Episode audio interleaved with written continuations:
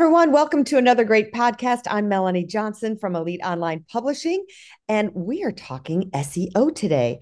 Oh my gosh, SEO is search engine optimization, in case you don't know what that is.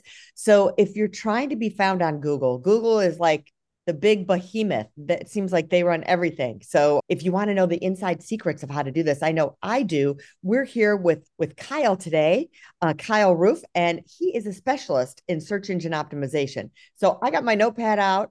I am ready to take notes and find out how we can do better as a company and how you can do better, more importantly, and be found on Google. Thanks, Kyle, for joining us today. Thanks for having me. Great to be here. So tell us, how did you get in started on the SEO rabbit hole? It's a long story with a lot of twists and turns, but the the short version is I used to be an attorney. I was a trial lawyer. Wow. And I did divorce custody and support for four years. I decided I'd rather chew on shards of broken glass than do one more divorce. And I took a year off and I looked for the lowest level of responsibility and I found a job teaching English in Korea. And the plan was just one year off, and that one year turned into five. And while I was there, I started a business. That business needed a very complex website. Uh-huh. And from there, the team that I built to, to get that website going, I started kind of general contracting websites. And then from there, I got into the marketing aspect of things, and that really took off. And it's been a, a wild ride since, and it's been a really good ride since. But that's the condensed condensed version of it. The Reader's Digest version of a few years there. Well, tell us like what is this what do you think most people are missing? Like you put your website on Google, you know, you're up there, you got your website up. And we've been I just went through and I said, "Hey, we don't have our social media links on there. Let's get our social media links." Like what are like the top 5, top 10 playlists that you should have on your Google listing?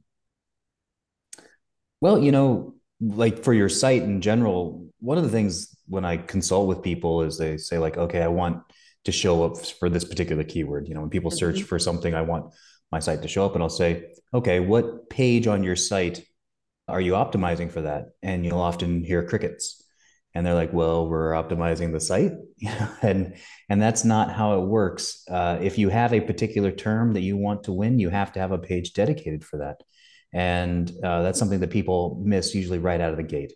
Uh, so if there's a term that's very important for for you, your business, your products, your services, and you want to show up, you must have a page that you've dedicated to that term. And then that's the page that you're going to put your efforts into.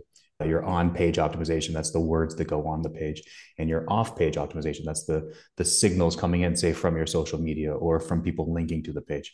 But one of the things that people just miss right out of the gate is just not having that page that they need in order just to rank in the first place. So that page, like for instance, for us might be like self-publishing but then on there that page, we'd have to put all the other words that people are searching for on that particular page, right? So the page would be named self-publishing. That's right. Which of other words? What, what, what, you find is that might be like a primary keyword for you or a target keyword. What I've what happens is if you properly optimize for that term, you're uh-huh. going to win uh, its secondary terms, and those are terms that Google has kind of lumped together with that particular primary term. And so that's why on-page optimization is actually one of the most important things in that uh, if you don't have that page, if you don't have those words on the page, you can't rank.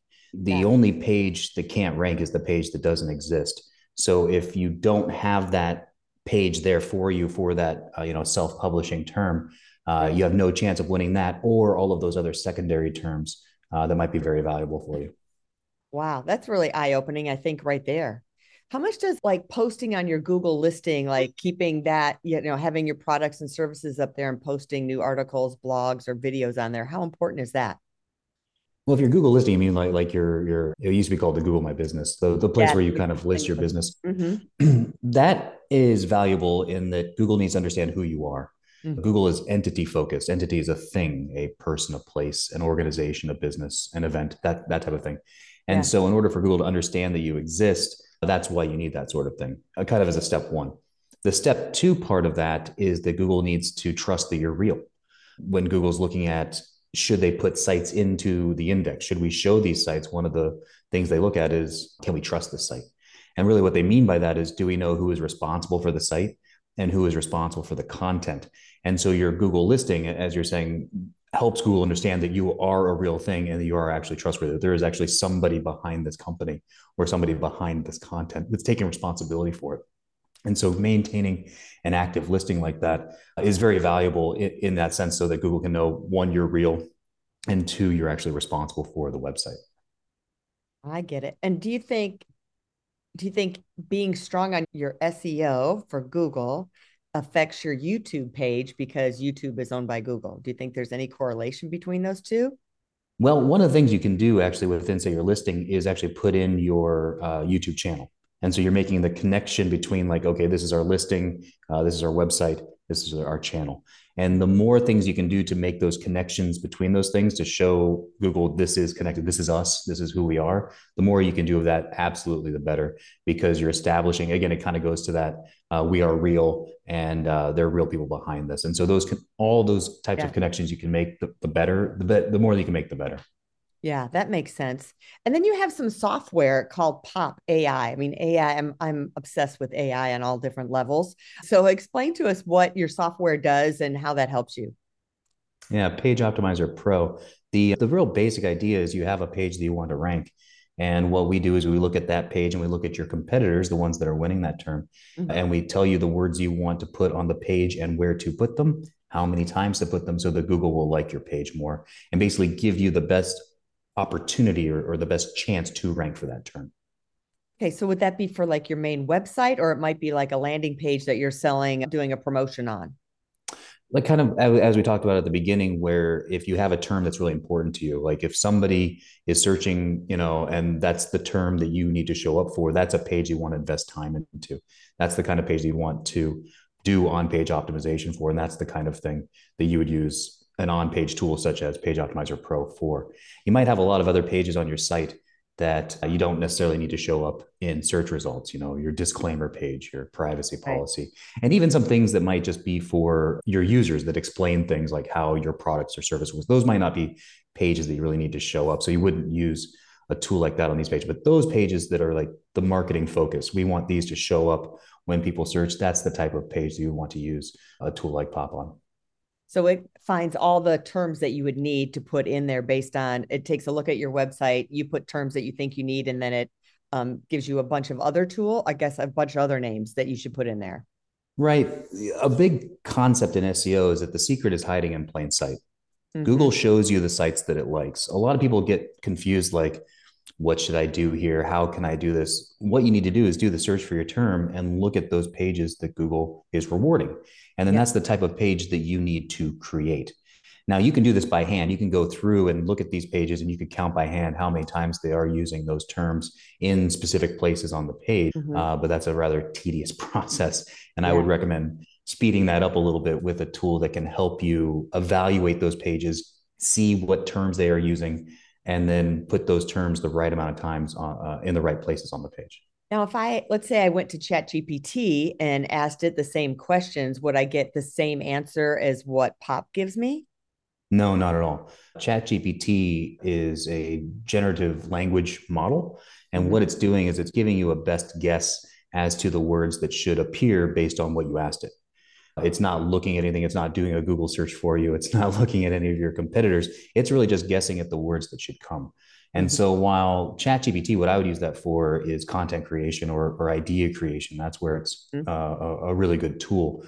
But in terms of what can rank now in Google, ChatGPT really can't do anything for you uh, at all. And what's great about it though is if you ask it for it, it will lie to you and it'll tell you that it's doing that but it's not anywhere near any kind of on page or off page or any kind of SEO type tool. That's interesting. Yeah. They say that ChatGPT lies to you. So I'm wondering, you know, constantly, constantly. Yeah. So you have to double check. So what yeah. made you start the software company? How did, why did you think you wanted to go that route? And it hasn't been well, it, long, right? I mean, how long? A few years. A few years. years. It was actually an offshoot of our agency. So I have an SEO agency and we hmm. were doing this in house you know, initially we were doing the counts by hand and I realized we can't do this. And so we kind of turned into a Google sheet and from there we turned into a Python script. And I was showing it to some friends, some SEO friends. I was like, would you like this? Is this useful? And they're like, I would definitely like that. And so we were able to kind of spin it off of the agency and turn it into its own company and, and its own hmm. thing. And, and that's kind of how it got going. But it was really what we were using internally. And actually, it all started too because I was using another on page tool and they changed the tool they actually took away the feature that I was using. And I was like, you know, I was actually doing really well with that feature. And uh, they took it away. And I was like, well, I can't, I don't want to be beholden to some other tool that's, that could take things away that I'm going to use. So I made my own tool. And then from there, we were able to kind of drive it to what it is today. It's interesting. And, you know, I think a lot of companies too, and I, we're guilty of this, like we'll work on our SEO and then, then a year or two will go by that we haven't done anything to it. We've just like, yeah. Okay, well, it was doing good. So let's, we're going to forget about that now. It's set and go and play. How often should you be analyzing and going in and doing things to like review your SEO for your website? That's a great question. And it's something that people don't realize is that the goalposts shift. So let's say you ran any tool. And by the way, people don't use my tool. It doesn't hurt my feelings. Yeah. the, the best tool to use is the one that your team will use. And so whatever you're comfortable with. So if you're using any kind of particular on-page tool, what you're going to do is you're going to get a snapshot of how things are right now. And that's what you need to optimize for. But things change. Your competitors might do other things, you know, and they're going to shift uh, into the SERPs. Google does updates. And when that happens, the goalposts do move. With the counts that you needed, the terms that you needed, they do change, evolve, and shift a bit. And you do want to make sure that you're on top of that. It's something that a lot of people miss. They often think like, I've written this page, we're good to go. Exactly. What what could change? But a lot can change. And, and so at a minimum, you want to check these things quarterly for where they are. A tricky part of that is you need benchmarks. You need to know what the counts were. Mm-hmm. And then mm-hmm. the idea is that when you check, then you can see how things have changed. I can shamelessly plug my tool because we have a feature for this called Watchdog, where after you've done your optimization, you actually click it and we will monitor the SERPs for you. So if there's been an update in Google or new competitors come in, we'll actually send you an email and uh, give you an alert like, hey, these are the terms you need to change now, or these are the things you need to add in to make sure that you can maintain the ranking that you have. Yeah, I wouldn't think that you'd have to do it quarterly. So that's really. I think that that's on the outside. If it's something that's really important to you, I do it monthly. Wow. Okay. And then I guess either you have your computer guy do it or you try and do it in house to make those changes if you have someone that's doing that for you on a regular basis to to update that.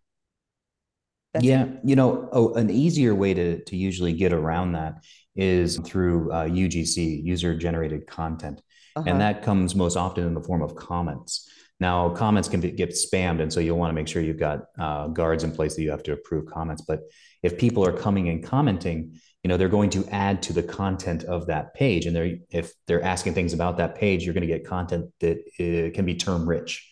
So that when you respond to that con that comment you can then put in terms you know you can keep your counts where they need to be. And i, I find that's a usually a really good way to keep your pages fresh and to get content on the page at a regular clip kind of drip it in as you go so that you can kind of keep on top of those things one other benefit of that is that getting back to that trust aspect, one of the things that Google looks at is are you the go to for your topic? Are you the go to website? And yeah. one of the ways to show that you're the go to website is people are asking you questions.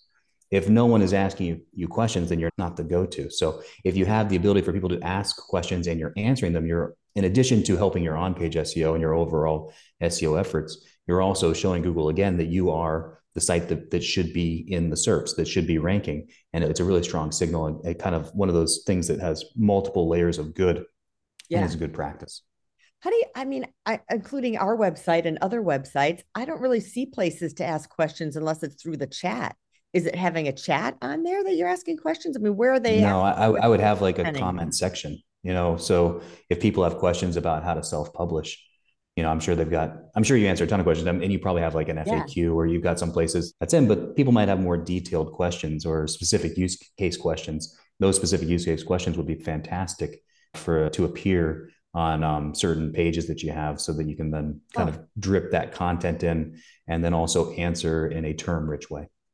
Yeah, I know I'm almost 100% positive that we don't have a ask a question here, like an editor FAQ page or something like that. And I think most websites don't have that. Like ones that I've been in, they have like a little mm. chat that you can ask somebody, but not like leave a comment or leave a question and we'll get back to you section. A lot of people turned it off just because comments get spammed and like, well, what's the value of this if it's being spammed? And and absolutely, it is a headache sometimes. But you can moderate those types of things.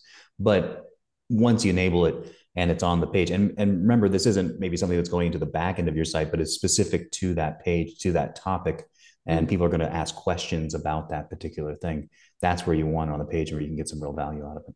Yeah. So it's like questions about self-publishing in our in our situation. Right. If you have a specific self-publishing page, that's an opportunity to have that type of a feature. One note, not every like plugin or tool you might use for the comments is readable by Google. So you want to make sure that you're actually uh, using something that can be read. So if you're using a tool that is really JavaScript based, uh, there's a chance that Google can't read that content, and then it's a waste of time. So you do want to double check that uh, whatever you're using for the, the, those comments can actually be read by Google. How powerful are um, blog posts and articles on your website to drive traffic there? So, one of the best things you can do, let's say you've got five main topics, self-publishing, and then different versions of that or, or offshoots. And those are your target pages, and those you want really want to show up in the search. What I like to do is then use blog posts or those other types of articles to support those pages. And so you're going to write content that is around that topic generally. So not specifically, so you're not using the exact same keyword, but you're writing about things that might not quite fit on the page, but are in the general vicinity of that content. And then when you write that article, link to that target page. Mm-hmm. And then in doing so, whatever terms that page starts to rank for, it builds its own authority. It, gets its own juice, its own power. And as it does that, because you have a link going to one specific target page, you're now going to pass all of that juice to that page and it takes away the reliance of outside signals the more you can do internally, the better it is for you. The, the it's more cost effective. It's also safer. Google doesn't take away these links or it doesn't start to devalue these links in the same way it would links that are outside your site. So if you can get a publishing strategy together where you're specifically putting content up to help specific target pages. So you're not linking to all the pages on your site, but say, hey, when we do these four or five blog posts, they're all going to link to this one page. And then these four or five are going to link, link to that one. And these four or five are going to link to that one. And you create this like moat of protection around your site. And then it also raises the entire authority of the site so that all boats, all the pages rise together. It's an effective strategy. And if you're putting out content regularly, you want to be very cognizant of what page, what, you know, who is this supporting and be very specific about that. And it's a very effective strategy for evergreen SEO growth. Yeah, I mean, it, it, one of the things I'm getting is you really have to have a strategy. You have to have a plan, is what you're saying. Like if you don't, if you're just willy nilly out there, yeah, let's try this, try that. You really have to have a plan of all aspects for your website. It sounds like to me hundred percent. Most people that what they do is the willy nilly. You know, they hear about a strategy or they're like, okay, we need this page, so they make this page, and they hear about this shiny object over here and the shiny object over there. What you need, and really the bottom line is, you need to be regularly pumping out content. You know, as like a base level strategy plan, we need to get this X number of articles out every month. And if you do that, and you have good internal linking with those articles, you're going to yeah. beat most of your competitors just on that alone. But it does take discipline. It takes grinding on it. It takes really sticking to it, which, you know, is the tedious stuff that most people, you know, building a website I've found is really a lot like writing a book. And I've sat down to write, I don't know how many books, and I finished approximately zero of them you know it, it's not easy to write a book. It's not easy to create a, a, a web page because of all that you know it takes so much creativity and and so much creativity uh, all that energy you need to put out to it. But that's kind of the discipline and the grind that you need to do in the same way you need to get that book out. You'd also need to get the website out in the same type of way with the same level of discipline. Yeah. and so you need to get that plan. You need to stick to it and you need to really grind and hustle on it as much as you can you know one of the um, strategies that we use as a, a, book publishing company is we tell authors you get amazon now working for you for seo so when you publish a book their page comes up when if i search kyle roof and you become an author their page comes up on the first page of search for you so That's now right. all of a sudden uh, you've got, oh my gosh, my book, I'm right there on the first page. And then they give you an Amazon author page, which has your bio. We always tell our authors put links, put your social media links, put your website there. And that shows up on first page of search. So, yeah. you know, it's like, okay, you know, I paid to have my book, I made the investment of time, but now all of a sudden I got two sites that are free SEO for me, which is pretty powerful. No, you're exactly right. And the other thing it does for you too is it shows Google that you're a real person. Google can't walk to your office, knock on the door, and see, oh, yeah, he's real. You know, like it has to look for all these other signals to see that you're a, a real person. And, and, a very strong signal would be something like that, saying, "I wrote this book," and mm-hmm. now that's appearing within the SERPs. It, it, it demonstrates that you're real. Kind of goes back to that trust that we were talking about earlier. That hey, I'm a real person. This is my real website. These are all real things Google needs all of those signals, and publishing like that and then showing up in Amazon is a great signal for that. All right, so I'm going to use that in my pitch that not only do you get that Amazon's going to read the SEO, but because of that, it's going to help your website for your business as well. It will definitely. Will. Your name's on definitely. your website, and it shows your name is here, so it shows you're real. So it all lifts everything up together. It's that's a great thing for sure. Yeah. Well, thanks for coming today. Tell us, Kyle, where people can uh, find you. Find your software looks amazing. Give us like a little another pitch of what that does, and tell us where we can reach out and find you. The easiest way to, to find me is kyleroof.com. The stuff that I'm working on is all there. Recent podcasts and YouTube show on there. So this will be on there as well. Or they, they can always shoot over to pageoptimizer.pro. That's where the on page tool is. And they can give it a whirl there. We have a free uh, seven day full refund if you're not happy with it. So give it a go. Perfect. I love that. And of course, you know he's going to be easy to find because he has amazing SEO. So it should pop right up for you. That's true. that is true. Well, thanks for joining us today. I'm Melanie Johnson, one of the founders of Elite Online Publishing. If you're looking to write a book, reach out to us at eliteonlinepublishing.com. And until then, have a great, fantastic week, and we'll see you next time. Bye bye, everyone. Hey, are you looking to increase your revenue, build credibility, and elevate your brand? This podcast is brought to you by Elite Online Publishing, an innovative publishing and full spectrum marketing company. They will publish and market your book to make it a number one bestseller. Becoming an author is the best way to market your business. So contact them at eliteonlinepublishing.com today. All of their authors